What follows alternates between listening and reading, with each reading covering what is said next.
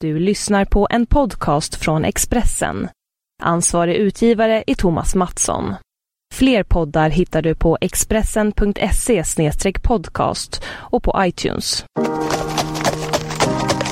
Bilar tappar hästkrafter. Tappa inte dina. Nu finns ett nytt premiumdrivmedel på Statoil. Miles Plus. Miles Plus renar motorn och ger din bil mer kraft och acceleration. Läs mer på Statoil.se. Tanka Miles Plus på din närmaste Statoil-station. Välkommen! Hej och välkommen till Allt om bilars podcast. Jag heter David Jakobsson och sitter här med Jan-Erik Berggren. Hej Jan-Erik, var är vi?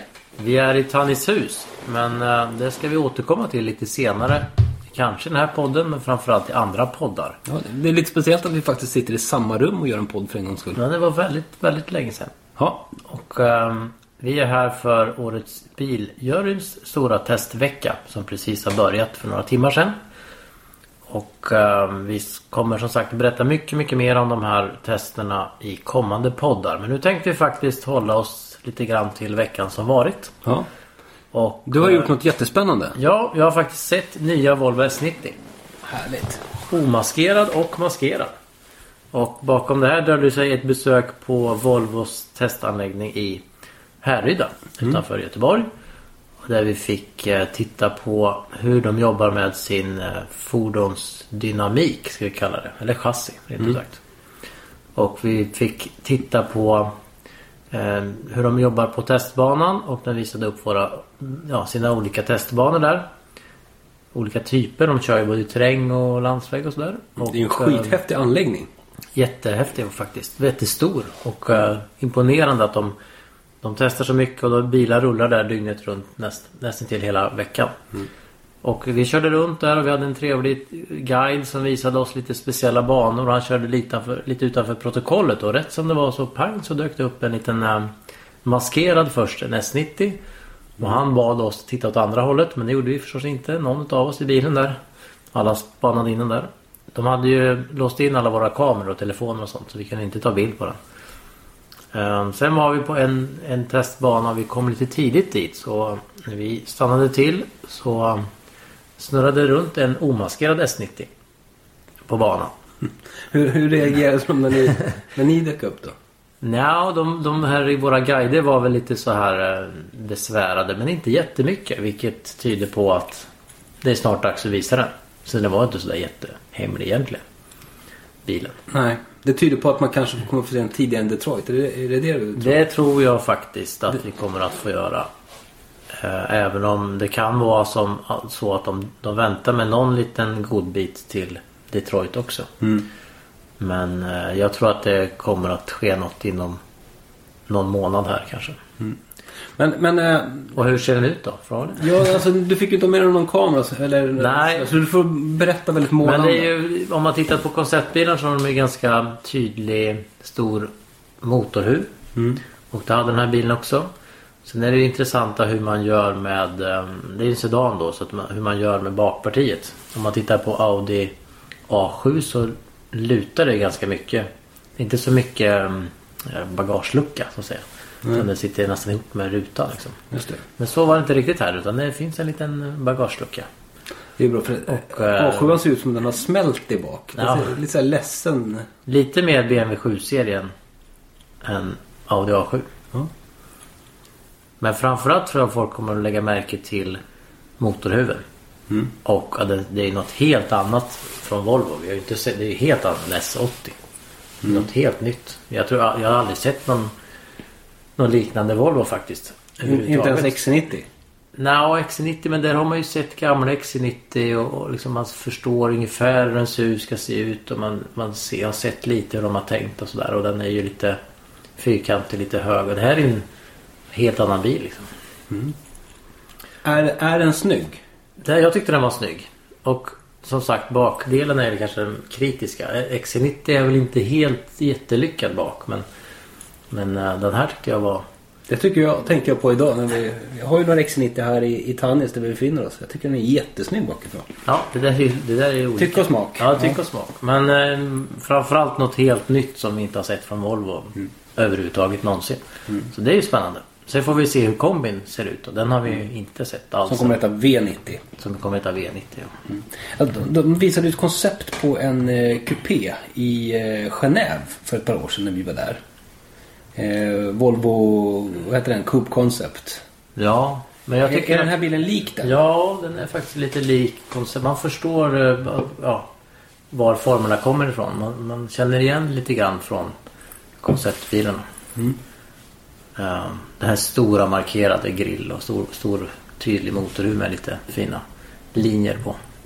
Vi såg ingenting av inredningen men där tror jag vi kan räkna att det är väldigt likt, likt XC90. Kanske, kommer- kanske tekniskt också? Ja, absolut. Det är ju, vi pratade ju mycket chassi när vi var där och ehm, de berättade hur de har byggt upp eh, framvagn och, och bakvagn och de har eh, till exempel det som kallas för dubbla länkarmar fram. Och de har en, eh, en speciell eh, bakaxel med en bladfjäder istället för spiralfjädrar som är helt unikt för Volvo. Och det speciella med fram, eh, framvagnen var att de fick till de här dubbla länkarmarna med en tvärställd motor vilket inte är lätt. Det är svårt att få plats med det. Eh, Sen det, det är väldigt, vi fick, väldigt spännande att vi fick köra den, den bil som Volvo har döpt till Costello. Som de byggde bara för att övertyga ledningsgruppen om att det är det här vi ska göra. När man tänkte på så här ska vår plattform vara, SBA-plattformen, för de stora bilarna. Så byggde man liksom en, en bil, man modifierade en S80, man byggde den här framvagnen med dubbla länkarmar, man byggde den här bakaxeln med den här bladfjädern och så sa man så här vill vi göra. Det är dyrt, eller dyrare än att göra på andra sätt. Det är lite krångligt att få in motorn där. Men det är det här vi vill göra för det kommer att bli bra köregenskaper. Och då byggde de en, som sagt en bil och den där fick utvecklingschefen Peter Mertens köra och någon annan fick köra den här i ledningsgruppen. Och sen bestämde de sig för att okej, vi kör. Det är så här vi ska göra. Och den S80 var med där på, på testbanan. Den fick vi köra runt med. Mm, kul. Det var ju lite speciellt. Det var liksom, man tänker tillbaks till 2008 någon gång så, så vet man då att det var den här bilen som, som bestämde att så här ska S90 och XC90 och XC60 och S60 vara framöver. Det var ju spännande faktiskt. Och ehm, när de pratade om den här chassit och vägegenskaperna så så sa de så att ja, XC90 har ju fått mycket beröm för sin styrning och för eh, sina köregenskaper. Men själva konceptet och idén passar ännu bättre för en lägre bil. Så det kommer, de tyckte att det, det kommer vara ännu bättre i S90. Ni har bara sett Ni har bara sett lite grann av det här chassit, vad det kan göra. Kul. Ja, det var hyggligt spännande. Sen har vi, jag kan berätta jättemycket om hur de, hur de testar och att de, och det är ju, de har byggt upp en stor simulator. Där man kan, eh, ja man bygger så att säga bilen i en dator. In med alla, all information i simulatorn och så kan man köra bilen där. Det låter lite som vårt favoritämne, Formel 1. Ja, de sa att det var ungefär den. Man, man kände igen mycket snack om alltså man kan ändra saker i datorn och, och känna efter i simulatorn hur det funkar och, och man kan göra saker. Eh, man kan bekräfta eller verifiera saker som man tror då i datorn. Och man kan, man kan ju också gå bakvägen. Man kan säga att ja, men den här bilen känns bra. Okej, men då mäter vi upp den. Och så kör vi den i simulatorn och så kan vi jämföra med andra saker vi har gjort i simulatorn. Varför känns det bra? Liksom? Vad är en bra bil egentligen? Vi fick provköra simulatorn på Nürburgring. Vi fick sitta där i en, i en eh, eh, XC90 och köra eh, runt Nürburgring. Jag kom inte hela varvet för jag blev väldigt åksjuk. Så jag fick trycka på nödstoppknappen och, och Oj. så här, nej, det här får vi nog ge- Det var en jätte, jättekonstig känsla för det kändes som att man var, hängde så här viktlöst upp i luften. Och när man bromsade så har man ingen riktigt kontakt med, med marken. Och det var väldigt så ingen bromsverkan först och sen kom allt på en gång när man så här kände asfalten. Man satt ju också ute i luften för det var ju en stor, jättestor rigg. Liksom. Det var ju stort som kan det vara 50 kvadratmeters rum liksom. Med jättestora bildskärmar. Och det är som en Formel 1-simulator då? Ja, fast de jag sett var ju varit ganska små. Det här var ju liksom ett... eh, Man gick in i ett ovalt jätterum liksom. Så man, och så hade de en bro ut till bilen som var kapad. En, en eh, framdel av en bil så att säga. Man gick in och satt i en riktig, riktig bil så att säga. Fast den var kapad bakom ryggen. Och sen när det var dags att köra så fick man trycka på en knapp och då åkte den här bron tillbaka. Så man satt verkligen ute i luften. Och sen körde de iväg. Så i början gick det bra. Det kändes ju som att köra bil. Liksom. Och Nybring känner man igen sådär. Men eh, sen var det en väldigt skum känsla och man blev lätt åksjuk. Sen pratade jag med några ingenjörer som jobbar där och de sa att ja, nej, men det var så där i början för, för oss också. Men, men du, skulle, du skulle ha avbrutit tidigare för att när det väl börjar så går det inte att återhämta sig när man sitter i bilen. Utan då är det bara att sluta liksom. Och kanske prova igen om en stund. Men jag, jag provade, jag höll på för länge. Eh, Ja, så var vi där. Man kan säga att för halva dagen var mycket så här dator och simulator och den delen liksom. Och sen var andra halvan ute på banan. Eh, Berättade hur de testkör och så. Det är ett enormt, enormt mycket arbete bakom varje detalj på bilarna. De testkör ju allt. Liksom. De kör varje fälg som godkänns, varje däck som är godkänt i bilen testkörs. Och varje millimeter som ändras någonstans i bilen ska verifieras med alla olika variabler och så. Ja, det var, det var kul att få se och kul att få vara med om. Man förstod lite mer om varför bilen fungerar som den gör. Spännande. Ja, och, Ja. Ja. men det ska bli kul att se vad, vad vi tycker, vad ni andra tycker om S90 när den kommer utseendemässigt. Det tror inte det dröjer så länge. Ja, Vi såg ju någon det pratade vi om i förra podden va? Såg någon liten modellbil på den där. Ja, jag tror att den, den var väl rätt lik men det blir lite feldimensionerade linjer och lister. och så. Det, jag tror det är svårt att göra miniatyrvarianter på, på de här delarna av lampor och sånt liksom. Ja, jag tror också det. Ja. Nej, det blir Ja, Någon hade till och med provat att fotografera inredningen på den här leksaksbilen men, Ja. men det, det var ännu svårare att se. Men jag, det, inredningen tror jag inte är så spännande. Det är XC90. Mm. Rakt av. med Instrumentering och allting. Och ehm, det, det är ju inget fel där. Den fungerar, fungerar ju bra. Ja, det är jättesnygg. Ja, eh, händer något annat kul? På, på Volvo. Ja, vi hade lite prat med utvecklingschefen där, Peter Mertens. Som eh, ja, han inledde lite grann där att berätta om vad de, hur de ställer sig till Folkvagn-skandalen. Mm. Och typ att han sa väl att ja men vi fuskar inte och vi har inte den här tekniken alls och vi jobbar inte så. Och, ja, vi kan garantera att det här förekommer inte i våra bilar överhuvudtaget. Men att det kommer, det är allvarligt för hela branschen det här som har hänt. Volkswagen. Mm. pratade lite om Frankfurtsalongen där, där Volvo inte var med då. Och de tycker då att det är, för, det, är för, det är för dyrt att vara där. Det är för många andra tillverkare som drar på för, för hårt liksom och satsar jätte- jättemycket pengar. Vad var det Audi satsat på monter förra året? Du nämnde någon siffra. Ja, de hade ju något år hade de byggt sin monter för 90 miljoner kronor. Då handlade det inte om personal som var där och bilar utan bara bygget av själva huset de var i. Så de ville inte vara med i den kapplöpningen utan de eh, hoppade av. Men han var där och han gillade Audi A4 och eh, eh, S Cabriolet var som visades. Tyckte han var rätt fräck. Okej. Blygsam bil. Audi A4 ska vi prata om i nästa podd. För den har jag nämligen just varit ute och kört. Ja, men du har ju kört en annan bil som, som står här ute men som är väl väl högaktuell för, eh, för Sverige. Skoda Superb. Skoda Superbia. Jag har kört eh, sedanen och jag har nu även fått köra kombin. Eh, det här är en av mina nya favoritbilar. Om man nu ska säga att en Volkswagen-bil här är.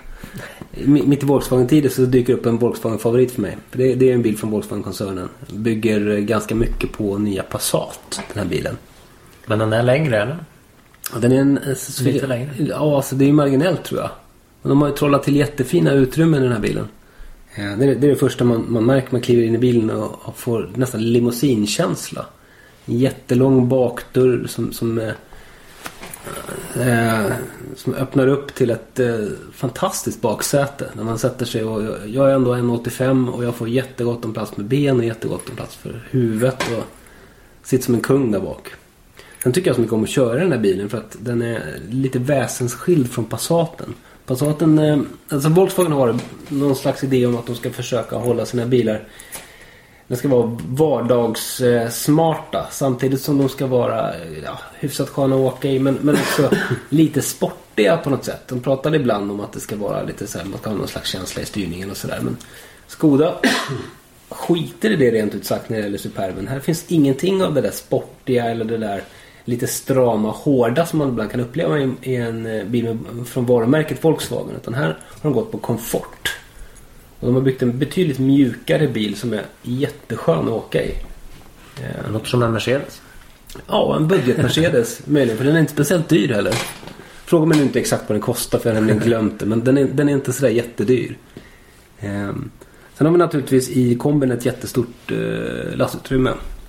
Ehm, ganska lätt lastat och fint. Och bilen jag körde nu hade den här 190 hästars eh, dieselmotorn.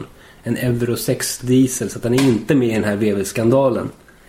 Eh, ja, men en stark och trevlig motor som också sitter i Audi A6 till exempel. Sådär.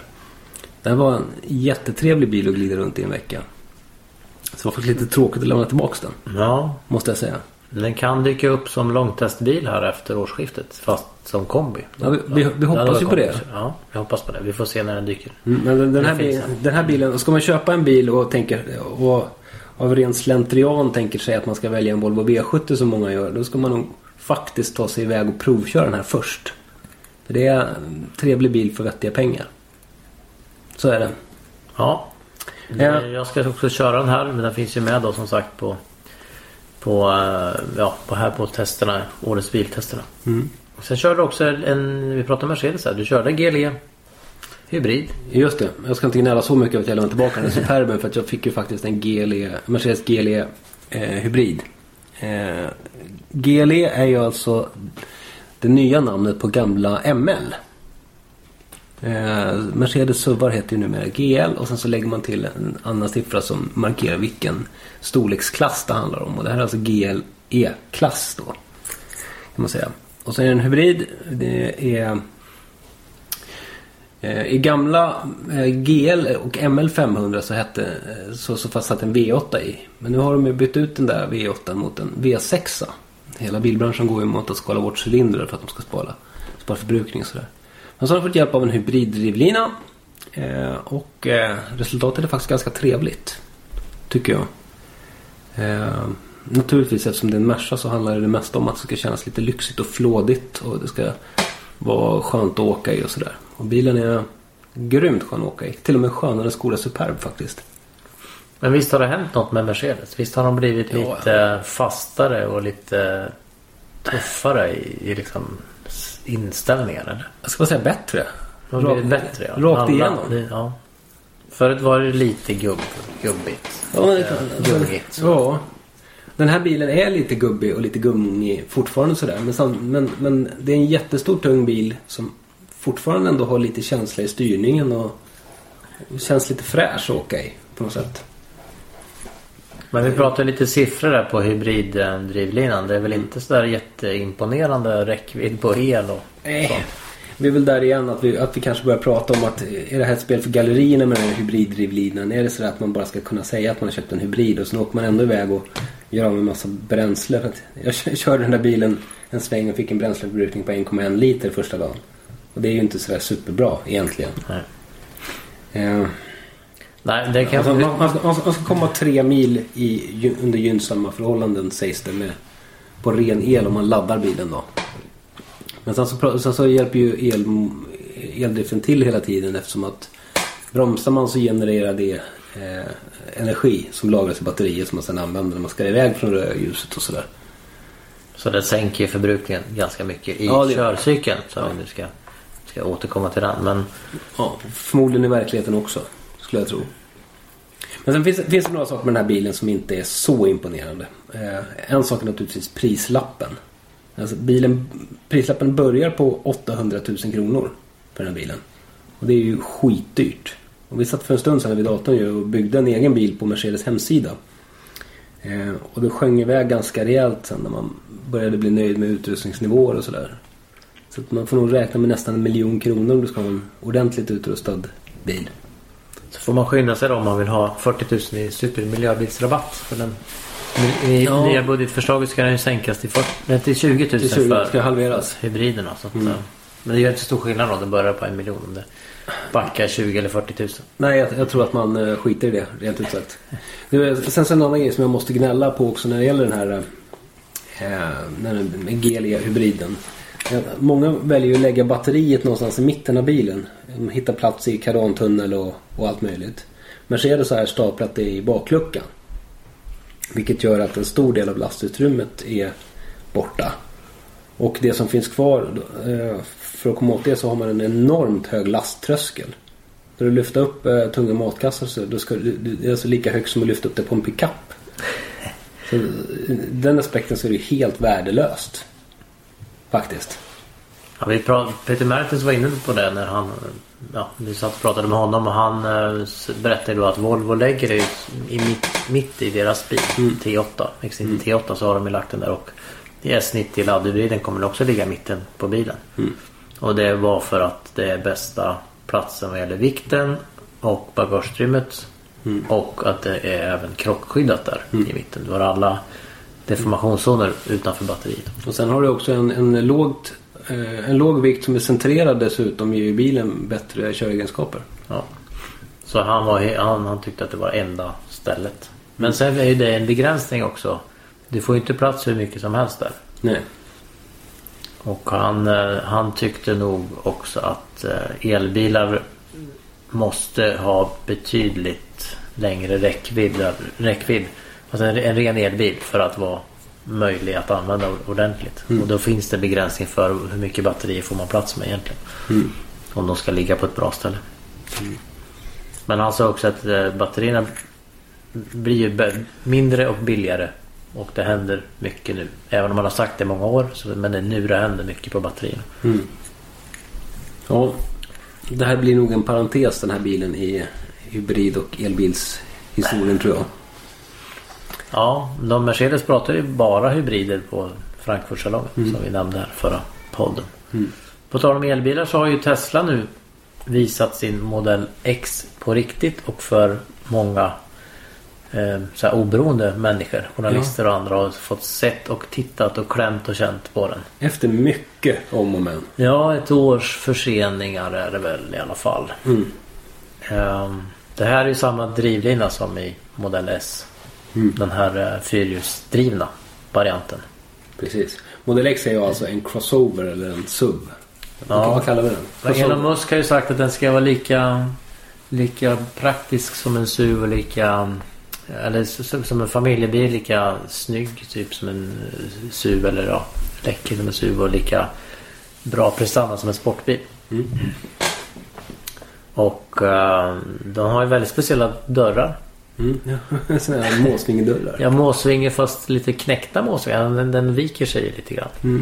Så man kan, som jag förstod det rätt, som man närmar sig bilen så öppnar de sig. Och sen kan man stänga dem och öppna dem inifrån med en knapp. Men det, det var de som hade testat det där sa att den, ja det gör den ju men de öppnas väldigt långsamt. Och sen blir den väldigt pipande. Du vet så här en, glass, en glassbil eller en lastbil håller på och backar så piper det. Ungefär sånt pip var det när de här dörrarna gick upp för att varna de som var på utsidan. Det kan man ju kanske klara sig utan. Men sen tar de ju plats. Det är ju som en måsvingedörrar också. Det tar ju enorm plats på parkeringsplatser. Då, det var, jag fick också höra varför han så gärna vill bygga den här bilen, Model X. Det är så att Elon Musk har fem söner. Varav ett tvillingpar och ett trillingpar. Eh, Bilen har ju då en, som jag uppfattar det, en soffa bak. Va? Tredje raden är en soffa. Andra raden är stolar. Och de här kan man då skjuta isär för att kunna komma in lätt.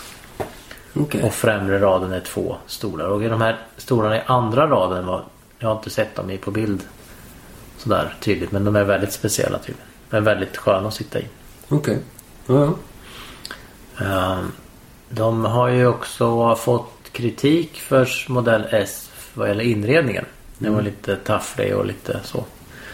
Eh, kanske inte så jättebra ihopskruvat. Men då, då hade de också en förklaring på i den här visningen som var intressant. Att de sa att när de gjorde, gjorde Model S så fick de inga bra, inga bra underleverantörer. Det var inte så många som ville jobba med dem. De visste inte vilka de var, vad de höll på med och varför och så här. Så de, de hade inte så bra urval på material. Men nu är det bättre. Bra förklaring. Och det, det, var, det var mycket bättre också enligt de här som såg bilen och det var lite snyggare och lite mer kvalitetsfullt. Även om det fanns några funktioner kanske som man kan undra över. Det var någon konstig eh, föroreningsfunktion i den här bilen. Som någon sa någonting om. Vet du någonting om det? Nej. Nej, det kan jag inte påminna mig om att... Men Elon Musk har ju varit ute och och kommenterat dieselskandalen i USA och sagt att det här, är, det här visar bara att världen behöver och är redo för något annat än fossila drivmedel. Mm. Där sparkar han i sig in en öppen dörr. Ja. Mm. Nej, men han är ju, han är ju duktig och... ehm, det, det, det är man kan ju tro att de säljer många fler bilar än vad de gör. De har, ju, de har ju sålt någonstans 33 000 bilar. Mm. Och siktar väl på ett första läge att komma upp i 50 000 bilar. Mm. Och det här är ju egentligen ingenting i bilbranschen. Nej. Som referens kan vi nämna Saab som är uppe i 90-100 000. Och ansågs alldeles för små för att ens ha en chans att överleva. Mm. Men de är duktiga på att göra, bygga sitt varumärke. Verkligen. Han jämförs ju till och med med Steve Jobs nu. På olika ställen. Ja, vi har en artikel på vår sajt här som, eh, som gör den jämförelsen. Och det är väl inte eh, konstigt. Det är tydligt. Mm. Sen har han sitt eh, rymdprogram och sitt eh, hemmabatteri som man ska sälja också. Men han hade, han hade också en kommentar där att när han började bilprojektet så, så trodde han kanske att det skulle kunna fungera. Alltså det var 10% chans att det skulle funka. Så han har inte själv så här, trott det på det. Men nu, nu har han, tycker han att han har visat att det funkar. På tal om, eh, på tal om eh, USA och den typen av bilar så gick Google i veckan ut och berättade lite om sin, sin självkörande bil som vi har sett lite tester på och så. Det visar sig att i ett första läge så ska de här jobba som taxibilar. Det ska vara självkörande taxibilar. Och då kan man tänka sig att det kanske blir på något speciellt område där de får köra och så. Men eh, de, de sa också att de kommer att samarbeta med någon av de, någon av de stora tillverkarna. Eh, och då kan det vara så att de delar teknik eller att de bygger en bil ihop. Eller att eh, ja, de, Google har en bil men att de också säljer sin teknik för självkörande bilar och, och, och sånt till andra. Har det nämnts några namn på företag? Nej, det är väldigt spännande. Vi har, vet ju att Fiat-chefen har ju varit och hälsat på. Han har i och för sig varit och hälsat på oss nästan Han har, alla. han har hälsat på oss alla. Men det är, det är väldigt många tillverkare som har pratat med Google. Sen tror jag eh, med grejen med självkörande bilar är inte så mycket att de kör sig själva utan att de samlar med en massa, massa mängd data om, om den som kör bilen. Eller var bilen ska och var den stannar och varför. Och det är den som är värd pengar egentligen. Ja, Och är det det är så. därför Google är så angelägna. Tänk om Google kan bygga in sin teknik i alla Volkswagen-bilar till exempel. Eller Audi eller Fiat eller Ford eller något. Då kommer de få en mängd information om, om alla de som kör de här bilarna och vart de är och när de är där och var de vill äta och var de vill tanka och när de ska svänga av och köpa billiga hamburgare. Och Sälja reklam och sälja, sälja reklam och informationen om, om, till reklamköparna. Ja, visst. annonsera. Du, du köp informationen och du kan och du kan annonsera till alla som är ute och kör på E4 idag.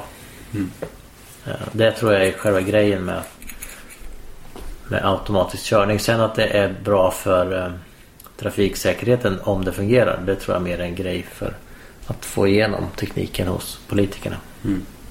För konsumenter. men Du, du pratar om taxibilar. Tänk vad härligt med en taxi som kommer direkt när den ska och Ja, kör dit den ska och hittar dit den ska. automatisk Uber kanske. Ja, det är tufft. Ja, Vad är det senaste i Folkvagnsskandalen då?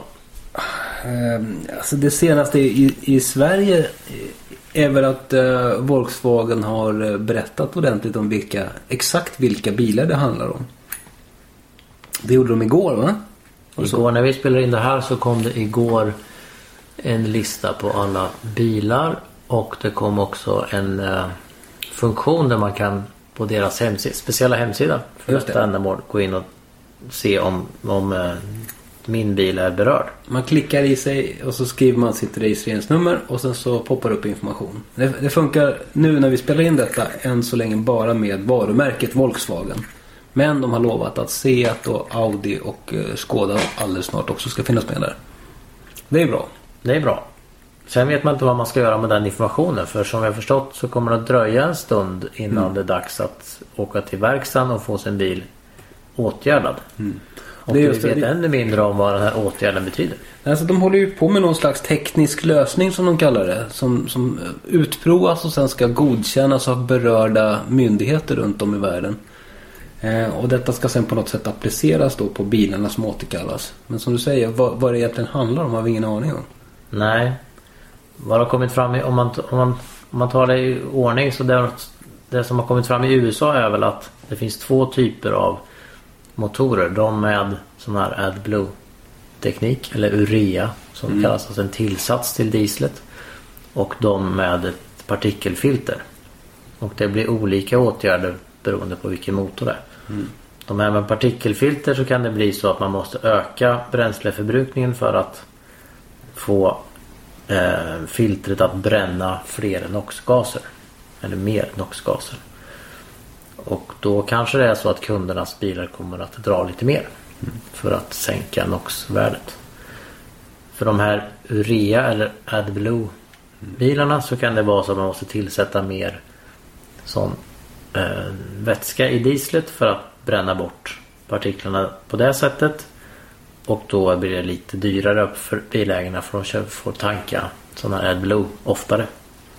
Sen kom, tillkommer då vad ger det för extra slitage och vad betyder det för motorn i övrigt. Och ska man kompensera bilägarna ekonomiskt på något sätt för det här eller? Ja, det är en jättehärva. Men om man då flyttar över till Europa åker över Atlanten. Här håller vi inte på och mäter NOx på samma sätt. Så här vet vi inte alls. Dels vet vi inte om de har fuskat med några som helst värden här. Och vad är det de ska göra, då åtgärda egentligen. Varför återkallas bilarna? Precis. Det kan ju vara så om man nu ska ta enkla, mest fördelaktiga vägen för Folkbank så kan det vara så att bilarna återkallas för att ta bort en funktion som egentligen inte används alls i Europa. Så det finns ingen anledning att öka bränsleförbrukningen i Europa. För då ökar det bara CO2-värdet och eftersom vi inte är så noga med NOx så spelar det inte så stor roll. Ehm, ja, det här är lite rörigt och vi brukar få, vi får en hel del mejl om- i den här frågan. Om, om vissa tror och tycker att vi går Folkbanks vägar när vi säger det jag precis sa. Att det här kan handla om att det inte blir någon som helst skillnad alls på bilarna i- Europa. Men vi försöker väl bara hålla oss till den fakta vi har fått och analysera den så gott vi kan. Det handlar inte om att vi, att vi tycker bättre eller sämre om något bilmärke överhuvudtaget. Men man ska ju inte heller säga att de fuskar med något. Om de inte gör det. Precis så. Mm. Nej, det blir spännande att se hur eh, kunderna reagerar om deras bilar plötsligt börjar dra mer bränsle. Ja, och så, och så i USA då. Och eh, sen den andra frågan som ofta blandas ihop med det här är ju den här skillnaden på min förbrukning som jag upplever när jag kör bilen mot den som, för, som tillverkaren har sagt att den ska dra. Och det har vi pratat om tidigare. Och, och, och, men det, det kommer ju också sådana uppgifter. Jag får ju ibland ofta telefonsamtal nu och mejl om det. Ja men min bil drar ju så här mycket mer än vad, vad det står i pappren. Och de får ha fuskat med min bil också. Liksom. Men det är ju en, ytterligare en helt annan fråga. Det har ju med den här körcykeln att göra. Den bilarna mäts under väldigt speciella förhållanden. Sen, okej, de kan ju det kan ju ha fuskats där också. Det ska ju undersökas. Myndigheter i Europa ska ju undersöka om det är så att Folkvagn eller andra tillverkare har fuskat med mätmetoder. Jag fick också en, en förklaring här på det här att de, de, att de då har känt av att bilen är i ett laboratorium. Och då har de slagit på den här mjukvaran kan man säga. Vilket inte är så konstigt egentligen. För bilen, det som händer när den står i den här ja, rullande landsvägen. Är att, att det, kanske, det kanske bara är framhjulet som rullar. Jag har förstått. De sätter upp den på en sån här trumma typ som rullar. Och då för att bilen inte ska tro att nu håller, nu håller framhjulen på att eh, slirar så att säga. För de rör sig mycket snabbare än Bakhjulen. bakhjulen och då ska ju antisladd gå igång. Så att det finns programvara som måste vara där i bilen för att den ska förstå att nu är det testläge. Och det är väl bara att Folkvagn har liksom utökat lite vad som vad den här förståelsen ska betyda. Nu ska du göra lite mer saker. Eftersom den ändå står i testläge. He- Helt klart är att det- detta inte, skandalen är inte en bieffekt av det. Eftersom att folk har bett om ursäkt och det har avgått och sparkats. Och, Ja, nej, de har ju gett utan de, de har fel. ju fulat sig. Absolut. De har, de har ju dopat värdena om man pratar idrottsspråk. Det är ju givet. Och det ska de ha rätt bestraffning för. Och de kommer ju få bestraffning för det också. Men de kommer att få betala tillbaks pengar. Och de kommer säkert att få betala, be, ersätta kunder. På längre sikt kan ju det här betyda faktiskt dödsstöten för diesel. Framförallt i USA. Där Folkvagn, framförallt, Folkvagn och Mercedes har ju gått hårt på det här clean diesel-spåret i USA. De har ju försökt att bevisa där att diesel är lika rent som en hybridbil. Eller renare. Och du får en mycket trevligare bil att köra. Köp en uh, Jetta. En 2 liters diesel så är den jättemycket trevligare att köra än en Toyota Prius laddhybrid.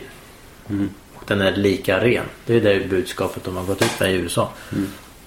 Och de har ju vunnit mycket på det. Även om det inte gått fantastiskt bra för Folkvagn i USA. Det har det inte gjort. Men de har ju ändå sålt till över 700 000 bilägare tror jag i USA.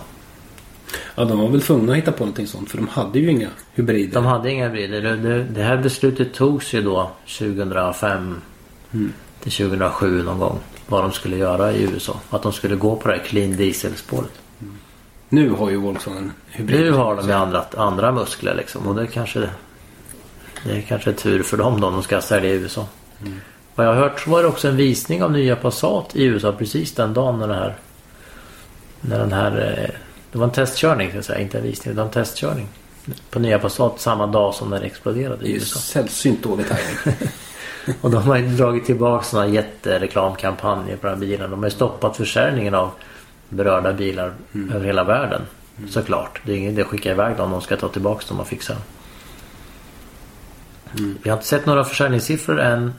Ehm, september kommer väl i dagarna när vi spelar in det här. Ehm, kan ligga i brevlådan nu. Men jag tror att september är nog lite för tidigt i Sverige. Men oktober kan ju bli intressant Oktober kan vara på. intressant i Sverige. Se vad det här betyder. Liksom. Och om det är så att eh, de väljer att köpa något annat istället. Vad tror du? Tror du att det påverkar någonting? Jag tror att det kan påverka lite, lite grann beroende på hur länge det håller på nu och när de, när de eh, kommer fram till vad som har hänt i Europa egentligen. Säg att det inte kommer fram några nya fakta så kan det nog lugna ner sig rätt snart tror jag. Ja, Man ska ju får... säga det, vi brukar ju få, vi brukar ju få de här mejlen då från Folkvagn. Deras PR-avdelning nu vad som händer och, och det här är det, dagens uttalande och här är den här listan på alla berörda bilar och det här är, är, det här är länken till hemsidan där alla kan kontrollera sin egen bil och sådär. Det där brukar alltid dyka upp mellan sex till halv åtta på kvällen en gång kommer de här. Och det är ju inte av en slump. Det är inte av en slump för det kanske är en tid på dygnet då det är där det märks minst vad som mejlas runt i olika nyhetsavdelningar. TV-redaktionerna hinner inte få in det i sina kvällssändningar. Och vi är hemma med våra barn och Vi har precis familjer. slutat vår arbetsdag och håller på med annat. Och, och natt eller kvällstidningarna, kvällsskiften har liksom lite annat att tänka på kanske. Så att det är väldigt, jag tror att det är medvetet för att inte väcka allt för stor uppmärksamhet. Men vi ska fortsätta att Ja, vi har, belysa detta vi i alla har, fall. vi har vårt helljus på affären. Det har vi. Eh, du, eh, vi har ju tänkt ju göra lite extra poddar här framöver. Ja, Med anledning av att vi nu är i Tannis. Precis. Vi har ju ehm, alla som prenumererar på vår podd och det, får, det tycker jag att de ska göra. De ehm, kommer nog kanske att se att det poppar upp lite fler än vanligt. Det kommer fler flaggor. Vi har ju jättemånga bilar som vi inte har kört alls som vi ska ut och testköra. Kört några idag. Kör några idag. Opel Astra. Ny Audi A4. Och eh, vi har, här ute finns nya BMW X1. Vi har kört Ford X-Ma- eh, S-Max som vi inte pratat om. Uh, Mini Klubban är alldeles färsk i dagarna. Toyota. Mirai är utlovad. Den har inte dykt upp än men den Nej. borde komma här nu under den nästa tiden. Det kommer att märkas för jag tror att det är den absolut fulaste bilen på parkeringen. Men den är så ful så att det är... Nej, ja. Vi tar Men den. den går på vätgas. Ja, det, det är tufft. Det är tufft. Eh, Vi tar den i, i nästa podd. Och jag har kört cabriolet då. Ja, en vi- sån sak. ja, det var ju... Några kilometer sen var jag tvungen att ta upp taket igen för det håller inte. Ja, nej. Det gillar ju inte sånt där. Nej. Kul. Men Så. du, eh, ska vi sluta snacka nu och gå iväg och titta på bilarna? Ja, och som sagt håll utkik i, eh, i alla kanaler där ni hittar vår podd för det kommer dyka upp fler poddar från Tannis. Håll också utkik på våran sajt, alltombilar.se. För där kommer vi att leverera nybilstester som aldrig förr inom den närmsta veckan. Vi kommer att köra nya bilar hela dagarna nu. Så, spännande. Tack, för så idag. Tack så mycket. Bilar tappar hästkrafter. Tappa inte dina. Nu finns ett nytt premiumdrivmedel på Statoil. Miles Plus. Miles Plus renar motorn och ger din bil mer kraft och acceleration. Läs mer på Statoil.se. Tanka Miles Plus på din närmaste Statoilstation. Välkommen!